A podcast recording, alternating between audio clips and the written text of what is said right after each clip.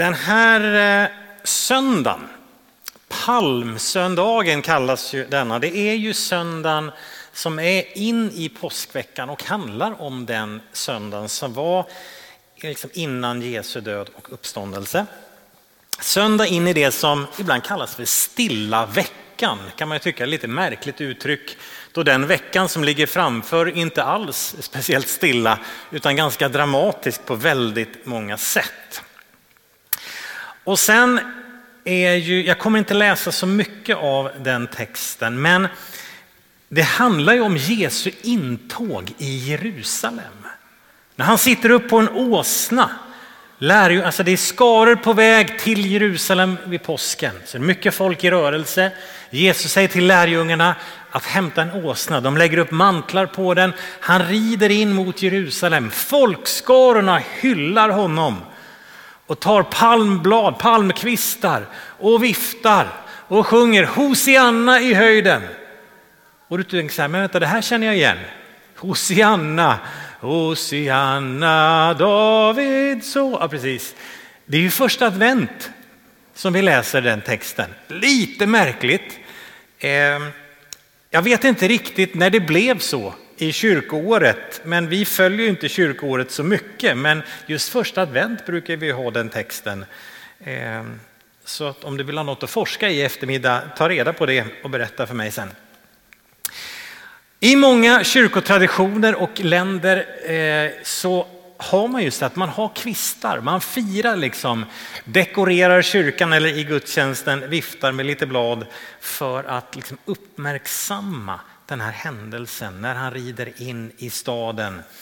Eh, där Hosianna-ropen ljuder och sen så några dagar senare så hänger han på korset. Någonting som tre av fyra evangelier lyfter fram det är att talet om Jesu död och lidande det kommer efter en väldigt viktig punkt. Jesus började inte undervisa sina lärjungar om att han skulle lida och dö förrän någonting hade hänt i deras liv. Och det var att de hade kommit på vem han var. Att det är efter deras messiasbekännelse som det kommer. Om vi läser från Matteus 16 står det så här. Jesus frågar, vem säger ni att jag är? Och Simon Petrus svarade, du är Messias, den levande Gudens son.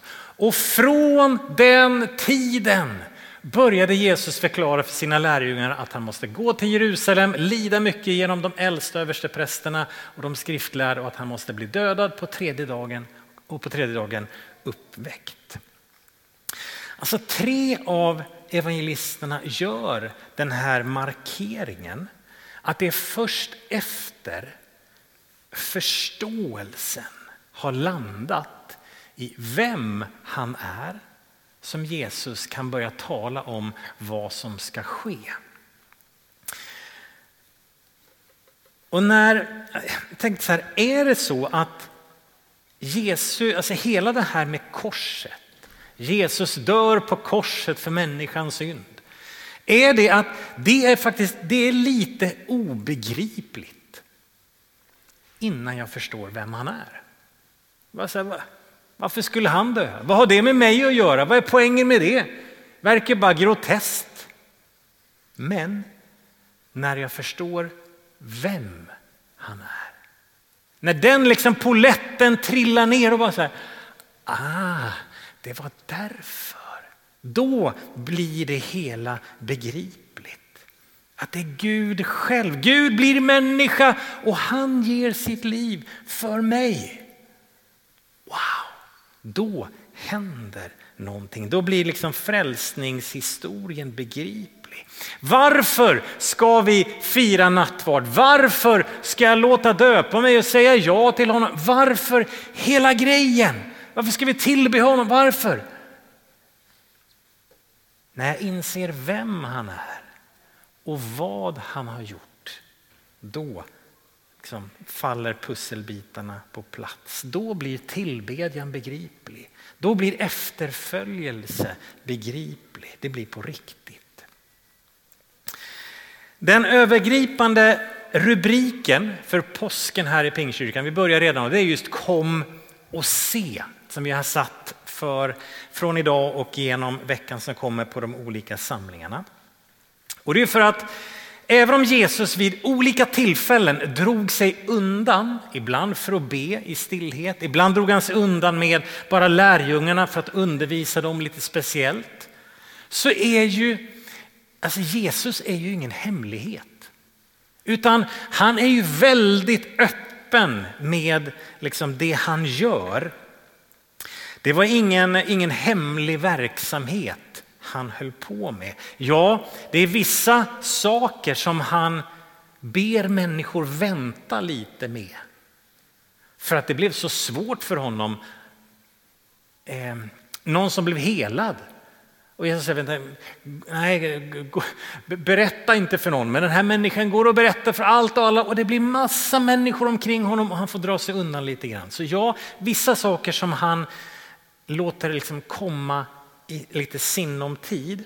Men Jesus hade ingen hemlig verksamhet. Det var inget liksom sådär undanskymt utan det var väldigt, väldigt offentligt.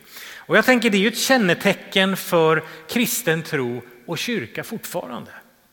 Det är ju inte så här grisen i säcken verksamhet vi håller på med. Ja, kom in här, ja det är jättefint här. Och sen som man har varit med ett tag, då kommer det här finstilta längst ner. Det, det här har jag inte skrivit upp på. Vi har ju väldigt lite hemligheter som dyker upp längs vägen, utan det är en öppen presentation av att följa Jesus, det är det här. Välkommen med. Och det här med den här öppna inbjudan, det finns med i kallelsen från första början. När Jesus kallar sina första lärjungar så är det liksom kom och se.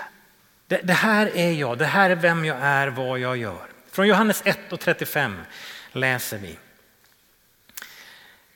Nästa dag stod Johannes där igen med två av sina lärjungar. När han såg Jesus komma gående sa han, se Guds lamm. De båda lärjungarna hörde vad han sa och följde efter Jesus. Jesus vände sig om och såg att de följde honom. Och han frågade dem, vad söker ni? De svarade, rabbi, betyder lärare, var bor du? Han sa till dem, kom och se. Då gick de med honom och såg vart han bodde och de stannade hos honom den dagen. Jesus bjuder in dem till att liksom kom och se. Och det här handlar inte bara om att komma och se vilket rum jag har hyrt för natten, utan det står att de stannade hos honom. Så indikerar den här inbjudan, det är samma ord som används eh, samma grundord i grekiskan som används några kapitel senare, Johannes 15, när Jesus säger den som förblir i mig bär rik frukt. Så att det står att de kom och de förblev hos honom den dagen. Det är liksom kom och se vem jag är. Kom och se vad jag gör. Och de stannade kvar hos honom. Så inbjudan finns. Kom och se vem jag är och vad jag gör. Alla hade möjlighet att säga nej. De hade kunnat säga nej, vi trivs bra hos Johannes. Eller nej, sorry, jag har inte tid. Jag har börjat nytt jobb. Jag ska fixa sommarstugan. Jag ska plantera blommorna. Alltså, Jesus säger bara kom. De hade kunnat säga nej. Kom och se vad jag gör. Kom och se vem jag är. Och efter den inbjudan, kom och se, den gäller fortfarande. Det har inte ändrats. Den sträcks ut till dig och mig här idag.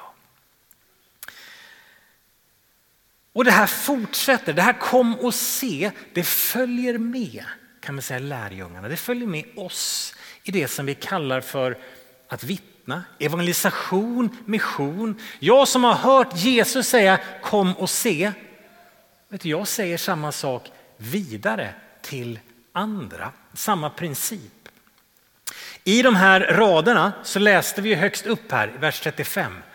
Johannes, han ser Jesus komma gående och han säger titta, se på honom, se Guds lamm. Och det resulterar i att Johannes får färre lärjungar som följer honom. Det kändes ju väldigt ineffektivt av Johannes här. Johannes, ska inte du liksom bygga upp din grej? Men Johannes, han pekar bort från sig själv och pekar på, se på honom. Följ honom. Se på vem han är. Och ytterligare några rader i samma stycke, liksom. vi fortsätter ner i texten vers 45 så har Filippus blivit kallad av Jesus. Och då står Filippus fann Natanael och sa till honom, vi har funnit honom som Mose skrev om i lagen och som profeterna skrev om, Jesus, Josefs son från Nasaret. Natanael sa till honom, från Nasaret, kan det komma något gott därifrån? Och Filippus sa, kom och se. Igen så pekar en lärjunge inte på sig själv utan bort från sig själv till honom. Han som kallade mig. Filippus säger inte, Natanael, jag har hittat en grej. Häng med mig lite grann så kommer det gå bra för dig. Nej. Utan han bara, Natanael, ja, du, kolla här, titta förbi mig. Kan det vara han? Vi tror att han är Messias. Titta inte på mig, utan kom och se även du. Jag tror att liksom, när jag har tittat så tror jag att han är den här. Kan inte du också ta en titt? Kom och se vem han är. Kom och se vad han gör. Skulle vi läsa vidare Johannes evangeliet in i kapitel 4 så läser vi om Jesus när han möter en kvinna vid en brunn i ett väldigt, väldigt avslöjande samtal. Där hennes eh, ska vi säga, brister, hennes trasighet, hennes felaktiga val kommer upp. Och hon springer därifrån. Ja, det kan man ju tänka. Om någon kom och pekade ut alla mina brister kanske jag också skulle springa därifrån. Men hon springer inte därifrån i affekt och bara, ah vad säger han? Utan tvärtom. Hon springer hem till byn och säger, vet du jag har mött en som har sagt allt jag har gjort. Kom och se. Kan det vara så, säger hon. Han kanske är Messias. Hon är inte ens säker själv, utan hon möter Jesus i det här samtalet. Och hon känner sig så sedd, så älskad, så bara, vad händer? Jag med allt mitt skräp. Och han viker inte bort blicken. Jag med allt mitt elände och han bara står kvar.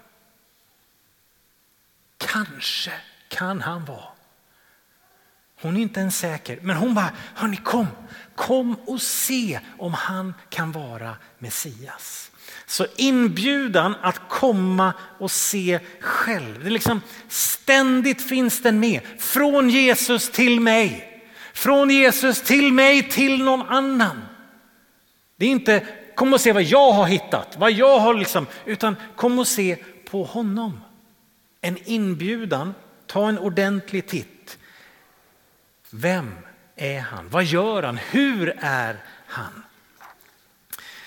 Och det går vidare på ett sätt också i någon slags proklamation. Man säger in i den här veckan, eh, in i påskveckan som inte är början på slutet utan början på något helt nytt. Den här palmsöndagen när Jesus rider in i Jerusalem på den här åsnan. Folkets hyllningar, Hosianna-ropen ljuder.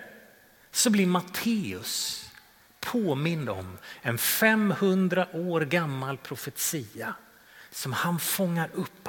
Det här är ju, det, det här det här har jag ju läst om, det här är ju profeterats om tidigare från Sakarja. Matteus skriver så här.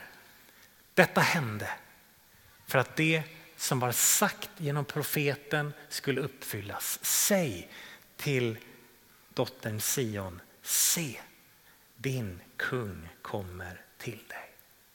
Någon slags proklamation, ni Israels folk, ni människor på jorden, kolla vem han är, se han kommer. Man pekar bort från sig själv.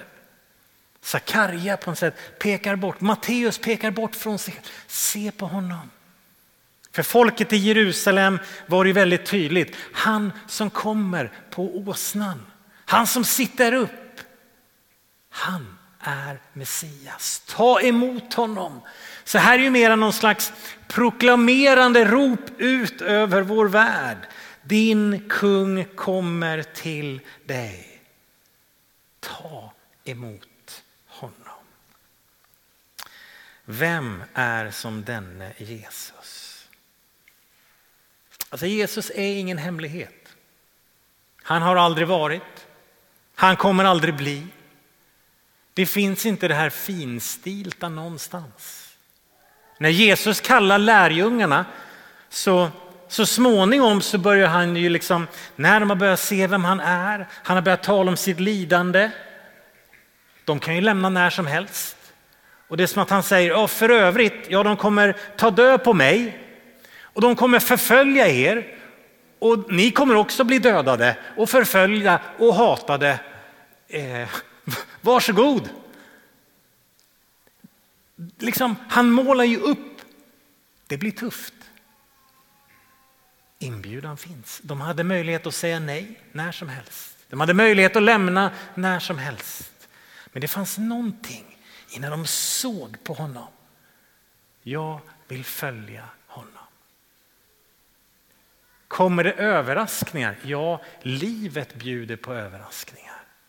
Men det är inte så att Jesus kommer med överraskningar som bara va? Hur menar han nu?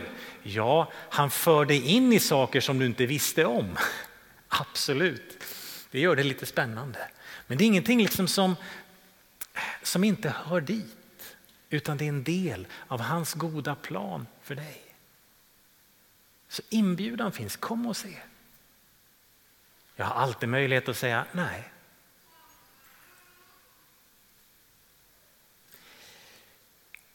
Ska ni komma fram?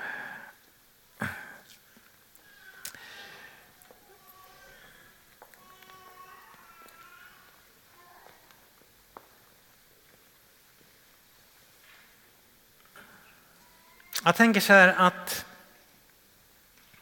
de här fyra vännerna som vi har döpt idag.